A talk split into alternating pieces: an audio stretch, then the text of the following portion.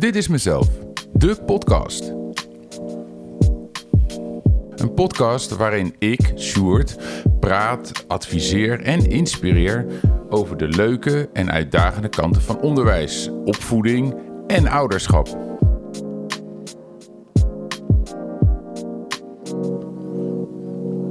Of je nou werkzaam bent in het onderwijs, een ouder bent of gewoon nieuwsgierig naar de fascinerende wereld van kinderen en alles daaromheen, dan is dit de podcast voor jou.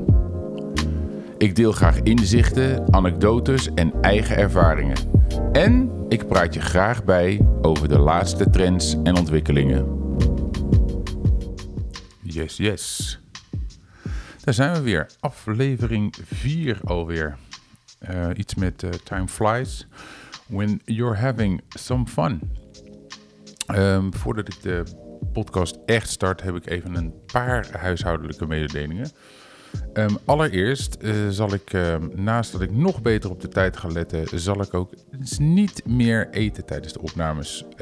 ik heb iets teruggeluisterd en ik denk, ja, die sourdough boterham was lekker, maar daar hoeven jullie niet nog de naklanken van mee te krijgen. Dus ik, ach, ik zal er nog beter op letten. Het is ook allemaal maar nieuw voor mij. En uh, zo'n microfoon, ik, ja, hij pakt heel veel uh, kleine accenten op. Dus dat ten eerste. Um, wat ik nog niet heb gemeld, vorige week heb ik, uh, de podcast stond echt in het teken hè, van het thema opvoeden. Um, nou ja, naast dat ik er graag over praat, um, schrijf ik ook. En uh, op mijn website is ook een bloggedeelte waar ik uh, één keer in de zoveel tijd over een bepaald onderwerp uh, ja, wat te schrijven heb. Waar ik wat uitgebreider nog in kan gaan op bepaalde dingen. Dus ga daar vooral ook even kijken. Ehm, nou ja, www.mezelf.nl, MZLF. Inmiddels zullen jullie dat weten. Um, daar staat gewoon een gedeelte blog. En um, nou ja, kies wat uit wat je leuk vindt om te lezen. Um, opvoeden is een wat langer stuk. Dat heb ik in drie delen erop gezet. Um, nou ja, heb je daar zin in, lees eens een stukje. Um, mijn podcast is naast dat ik natuurlijk upload via uh, Podbean, het platform, is het nu ook volledig geaccepteerd op Spotify en op uh, de Apple Podcast app. Dus ik hoop nou ja, dat je favoriete uh, podcast-app erbij zit en uh, dat het nog makkelijker wordt uh, om mijn podcast te luisteren. Dan is er nog een nieuw experiment. En je zal het nu horen. Ik heb nu tegenwoordig op de achtergrond ehm, wat muziek lopen. ik heb de eerste drie afleveringen geluisterd en ik dacht toch, ja, er moet wat meer beweging in. Um, gelukkig maak ik zelf ook muziek. Dus ik heb nu een uh, mooie mix gemaakt van uh, allemaal eigen instrumentals. Uh, ik hoop dat dat het luistergenot enigszins nog veraangenaamt. Even kijken. Ja, volgens mij heb ik dan alle huishoudelijke plichtplegingen gemeld.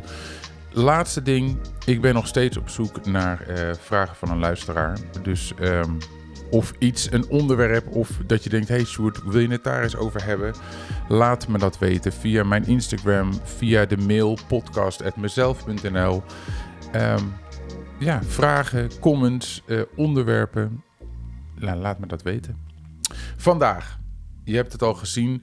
Um, de titel van de podcast is uh, Pleistertje plakken en doorgaan. En uh, ja, de, de basis is, is vandaag uh, angst en bescherming. En, en de combinatie daartussen, de balans daartussen. Um, om daarmee te starten heb ik eerst even een kleine voorbeeld um, die je ongetwijfeld wel eens hebt meegemaakt. stel je even voor, jouw spruit van nou, een jaartje of drie is lekker in de zandbak aan het spelen. Um, en komt op een gegeven moment naar jou toe. Um, wat moet je kijken? Ik heb een nieuw vriendje. En um, op zijn hand laat hij jou, papa of mama, we zijn een inclusieve podcast, um, laat hij jou een spinnetje zien. Nou, je kan ongetwijfeld bedenken wat er in 99% van de vallen gebeurt. papa of mama springt op, gilt het uit, gooi weg, is gevaarlijk, eng, noem het allemaal maar op. Ehm, ja, hoe moet dat overkomen voor een kind van drie? Die denkt van, hè, ik heb een leuk beestje. Uh, het kriebelt een beetje. Uh, hij loopt gezellig. En dan een reactie van je vader of moeder. Ja, dat is toch wel licht, licht traumatiserend, denk ik. Het is in ieder geval duidelijk dat dat beestje waarvan jij als peutertje dacht van ik heb een nieuw vriendje, tot dat duidelijk niet het idee van jouw ouders is, niet geaccepteerd wordt. En vooral dat het een gevaarlijk, eng uh, um, gegeven is. Dat is even de start van, van deze podcast. Met daaraan gekoppeld gelijk een eerste vraag. En je kent inmiddels een beetje uh, um, uh, de procedure. Je krijgt 10 seconden van mij om daar heel even over na te denken. En de vraag nu is: welke angst heb jij te danken aan je ouders? Welke angst heb jij te danken aan je ouders? 10, 9, 8, 7, 6, 5, 4, 3, 2, 1 en 0. Deze angsten um, laat ook vooral uh, achter uh, in de comments op Instagram onder deze aflevering. Het is namelijk wel leuk om even te zien uh, welke angsten jij dan hebt overgehouden aan uh, de opvoeding van je ouders. Um, en de, kern is ook gewoon vanuit dat spinnetje, en zo, zo zijn er nog wel honderd voorbeelden te bedenken van hoe bepalen wij nou en wat bepalen wij nou voor onze kinderen? Hè, ik bedoel, wij als ouders hebben dat oergevoel dat wij onze kroost uh, moeten en willen beschermen. Het liefst zo lang mogelijk. Om een stukje biologie daarin te verwerken is het natuurlijk compleet anders dan dat, ja, dat in het dierenrijk gebeurt. Hè. Uh, nogmaals, daar zitten, we heel, zitten de dieren heel snel in een soort van survival modus. Um, ja, heel veel, heel veel beesten, uh, jonge beesten, worden vrij snel aan hun lot overgelaten. Worden gelijk gewoon in het diepe gegooid en, en moeten daar dus vertrouwen op, op hun overlevingsdrang en, en hun zelfstandigheid. Um, dat ligt natuurlijk bij, bij mensen heel anders. Hè? Uh, ja, wij zijn zo als ouders en als mensen heel lang bezig. Um, om die veilige schil maar te waarborgen voor onze kinderen. Wat natuurlijk nogmaals helemaal geen slecht ding is. Maar ja, tot op welke, tot op welke hoogte, tot, en in dit geval tot welke leeftijd. Dat beschermen zit een beetje op, um, zoals ik het zie, op twee gebieden. Je hebt het lichamelijk letsel, waar je uh, um, kinderen voor wil beschermen. Uh, hè, uh, vallen uit een boom, ongelukjes, dat soort zaken. Um, maar ja, hoe wil je dat doen? Wil jij echt uh, je kinderen maar niet naar buiten doen, want er zou wat kunnen gebeuren? wil je je kind echt gewoon maar in kussens omwikkelen, zo van als die valt, dan is er niks aan de hand? Een voorbeeld vind ik daar bijvoorbeeld van het fietsen met een helm op. en daar moet ik wel een soort onderscheid maken. En zeker omdat ik in Den Haag werk, waar heel veel expats werken. Dat er in de international community een soort ander soort um, regel of protocol is. Want daar fietsen zelfs ook heel veel ouders met helmen op.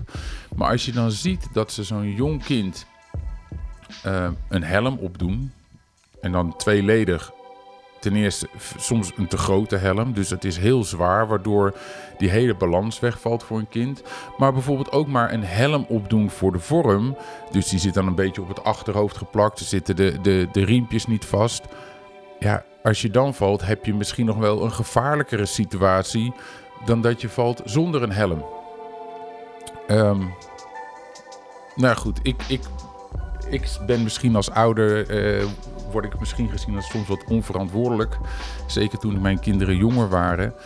Um, omdat ik ze vooral in het diepe laat gooien. Uh, um, natuurlijk, daar zit een, een, een nuance in. Hè. Ik, ik scan vooraf wel de omgeving letterlijk. Um, waar, waarvan ik denk, nou, daar kan ik mijn kind wel in loslaten. En dan bedoel ik het echt even eh, op de fysiek ding. Hè? Wat is dat speelpleintje? Wat is daar te doen? Zijn daar gevaarlijke dingen? Uh, moeten er verschillende wegen worden overgestoken met stoplichten, zonder stoplichten? Um, maar wat ik zeg,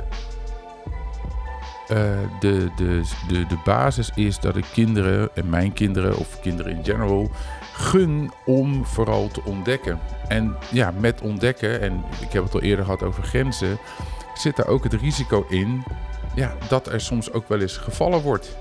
Um, vallen, opstaan, grenzen opzoeken, grenzen overgaan en met die opgedane ervaringen nieuwe grenzen opzoeken en weer verleggen.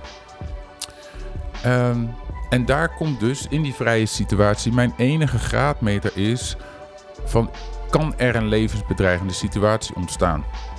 Uh, dat is het. En daarom zeg ik ook, pleistertje erop en door. Uh, en natuurlijk zullen er best wel... Ik bedoel, ik heb als kind uh, twee keer mijn, mijn, mijn enkel gebroken. ik heb een keer mijn pols verstuikt. Ik bedoel, er zijn echt wel wat dingen die wat heftiger zijn dan, dan, dan een pleister. Maar in de basis geloof ik echt in het feit, en dat is de moeilijkheid vaak voor ouders, laat ze dingen ervaren. Um, ja, je kind wordt er niet beter van om vanuit een soort van beschermingsidee, maar gewoon niet bloot te stellen aan de dingen in de wereld. Dat is het fysieke deel. Het tweede deel is natuurlijk die mentale weerbaarheid. Daar gaat het dus ook over. Waar uh, stel je ze aan bloot? Um, dus met die mentale weerbaarheid bedoel ik echt alles wat niet lichamelijk is. Um, hè, er wordt ook heel vaak gezegd van ja, schelden dat doet geen pijn. En dan, als ik dan even inzoom of even mijn eigen jeugd erbij haal. Ik, nou ja, ik vond schelden wel vaak pijn doen. En, en ik kan wel zeggen dat ik misschien wel liever wat vaker een schaafwond op mijn knie had gehad. Dan dat ik uh, werd uitgescholden. Hè, met het, vanuit het pestgedrag. Um, omdat een, een schaafwond, hè, dat geneest. Je hebt een wondje, dat geneest en het is weg en je kan door. Alleen schelden, wat echt gewoon op jouw persoon wordt gericht, dat is niet zo makkelijk dat dat weggaat.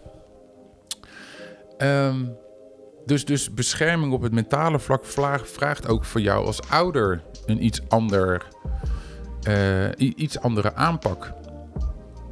Um, wat veel meer is dan een pleister plakken of wat, wat groene wondzalf smeren.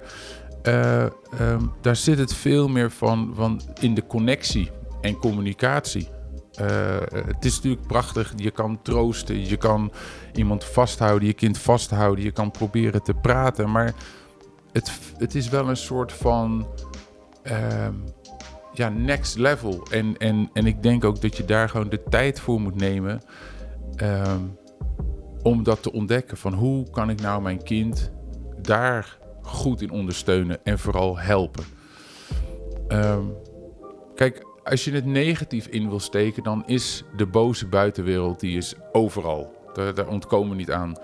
Uh, uh, uh, en ja, het is echt overal. En, en, en met alle social media en, en YouTube en noem het allemaal maar op, is, is dat natuurlijk. Onze kinderen worden op zoveel manieren, mentaal en ook fysiek, blootgesteld aan zaken die ze pijn kunnen doen, die ze kunnen teleurstellen, waar ze boos van kunnen worden.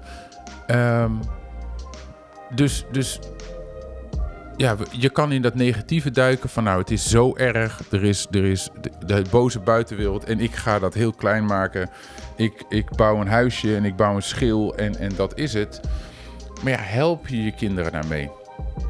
Ik, de persoon die ik ben, steek dat liever positief in.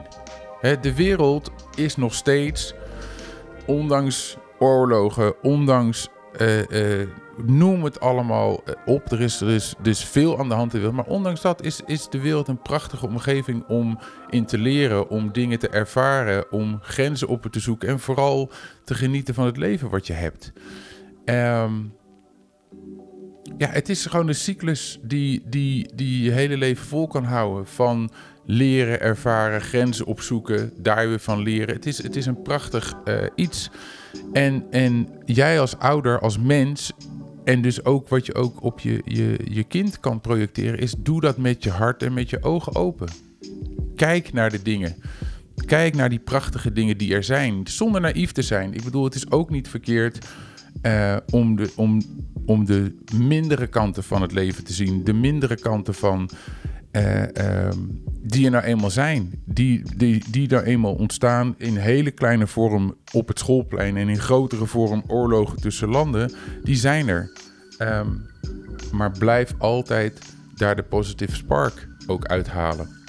Fouten ga je maken in je leven. Verkeerde beslissingen ga je maken. Um, wel of niet omdat je in aanraking bent gekomen met de boze buitenwereld. Maar, maar de angst die daar zit, fysiek en mentaal, dat is iets waarvan ik echt overtuigd ben. Als je die kan minderen, voor jou als ouder zijnde, maar zeker ook in projectie op je, op je kinderen. Ja, dan ben je, dan ben je gewoon aan, aan, aan iets aan het werken en aan iets, aan iets bezig waar je kind gewoon veel profijt van gaat hebben. Waar ik terugkom op dat spinnetje, dat is pure projectie. Ergens heb jij in je leven als ouder meegekregen dat spinnen eng zijn, gevaarlijk bovendien. En dat projecteer je op je kind in je reactie. Um, natuurlijk zijn er ook valkuilen. Als je het hebt over het beschermen van je kind. Um, heb ik misschien ook al een andere podcast al een keer eerder besproken. Um, een valkuil in het beschermen van je kind is dat je te veel structuur biedt. En te veel structuur is van dat jij alles vastzet. Waardoor er dus veel te weinig ruimte overblijft om als kind zich vrij te kunnen bewegen en, en dingen te kunnen ervaren. Uh, zo zet je niet alleen jezelf, maar ook zeker je kind vast. Uh, valkuil 1. Um, een tweede ding wat wat eigenlijk gewoon ook angst oproept, is dat je te veel handelt uit eigen onzekerheid. En, onzekerheid is ja, in veel gevallen nooit de juiste raadgever. Um, onzekerheid komt vaak voor uit angst, of angst komt voor uit onzekerheid. Die twee zijn aan elkaar verbonden. En nou ja, goed, ik heb het ook wel eens eerder daar ook over gehad. Um, nooit een goede raadgever. Een ander ding is dat uh, vanuit bescherming voor je kind je vaak handelt vanuit je eigen ervaringen. Dus wat jij hebt ervaren als negatief, ja, je wil je kinderen dat niet laten ervaren.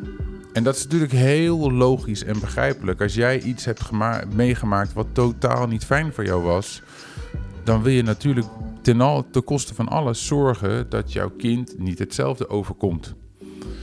Um, en dat is helemaal niks mis mee. Dat zijn goede bedoelingen. Ehm, maar het moet niet je kind gaan blokkeren in, in hun eigen ontwikkeling. Soms hebben ze het nodig om hetzelfde pad te gaan. Ook al weet jij als ouder van nou, als je die kant op gaat, dan gaat dat gebeuren.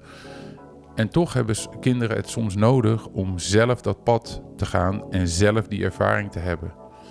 Zeker op het, hè, wanneer de puberteit uh, zijn intrede doet, waar sowieso genetisch gezien en biologisch gezien kinderen vaak niks meer of even een periode weinig uh, willen doen wat hun ouders zeggen of denken of voelen, uh, is dit een situatie die daar vaak voorkomt. En mijn advies is ook altijd: dan maar gewoon laat ze het zelf ervaren.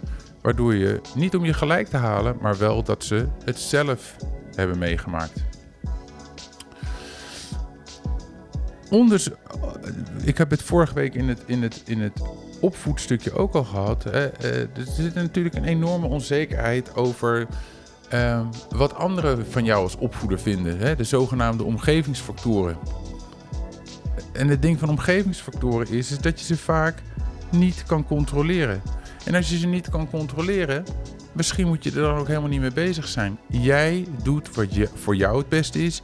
Jij doet wat voor waarvan jij denkt dat het het beste is voor je kind. Dus wat mensen ook denken, laat dat zoveel mogelijk los. Het criterium, en dan ga ik ermee afsluiten. Het enige criterium is: breng ik mijn kind in levensgevaar?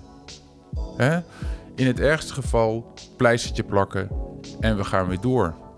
Maar laat je kind spelen. Spelen zorgt voor zelfontwikkeling. Spelen zorgt voor ontwikkeling, probleemoplossend denken. Spelen zorgt voor ontwikkeling van sociale vaardigheden en competenties. En die enige voorwaarde voor vrij spelen is dat het in zo'n openlijk mogelijke omgeving gebeurt.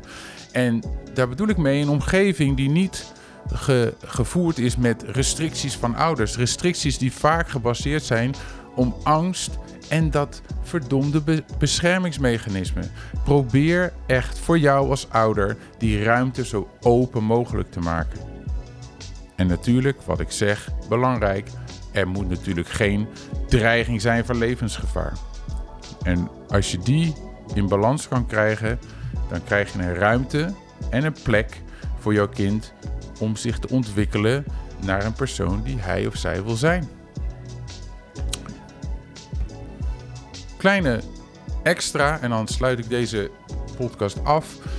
Um, omdat natuurlijk Halloween om de hoek is. Halloween, wat jaren geleden helemaal niks te doen had in Nederland, is nu in één keer een ding geworden. Um, en, en nou ja, ook verschillende mensen, verschillende keuzes, uh, verschillende manieren van vieren. Hè. Sommigen zien het heel leuk, we verkleden ons en we gaan snoepjes halen langs de, langs de deuren. En anderen zijn ermee bezig om uh, mensen een, uh, een trauma te bezorgen, om het zo maar te zeggen. Ik ben enigszins gekleurd, want ik heb echt helemaal niks met verkleedfeestjes. Ik heb niks met carnaval. Ik heb niks met themafeestjes. Um, en ik heb dus ook helemaal niks met Halloween. Um, en ik, ik ben er ergens ook gewoon te nuchter voor. Dat is hetzelfde met horrorfilms. Bij mij gaat te snel. Ik kom niet in dat verhaal. Omdat ik toch ergens altijd denk: ja, maar dit is gewoon nep. Dit is gewoon uh, heel goed gesminkt. Of dit is gewoon heel goed gedaan met enge muziek. Um, het enige wat ik je mee wil geven. Als je het dan hebt over angst. Als je het dan hebt over trauma. Als je het dan hebt over houd ten alle tijden met, met wat voor festiviteiten je ook organiseert. Um, zorg ook hier wel voor enigszins een open situatie, maar ook een veilige situatie. Waarvan jij misschien als ouder denkt: Nou, dit is toch helemaal niet eng. Kan voor een kind compleet anders worden ervaren. Het, het ding is, zeker in, op een kind met jongere leeftijd, een kind is op dat moment gewoon nog niet in staat, zo zijn de hersens nog niet gewired, om het uh, verschil te zien tussen wat echt is, realiteit, en wat fantasie is. Dus zij zullen niet zien, ah, dat is de buurman met een pruik op en wat smink. Nee, op dat moment is dat de meest enge persoon die ze s'avonds in de donker tegen kunnen komen. Um, dus hou die voor Halloween. Geniet ervan. Maak er wat van voor wat zoals jij denkt dat het leuk is. Maar hou dat wel in de gaten. Een kind kan nog niet altijd schakelen tussen fantasie en realiteit. Um, dit was hem voor uh, deze week. Uh, doe ik nog even snel wat, uh, of minder dan 25 minuten. Het, is, het wordt iets beter, jongens. Um, heb je nog opmerkingen? Heb je nog vragen? Heb je nog onderwerpen? Ga naar mijn Instagram, ik underscore ben underscore mezelf. Of mail mij op podcast.mezelf.nl. En dan zeg ik nu voor deze week: maak plezier en tot volgende week.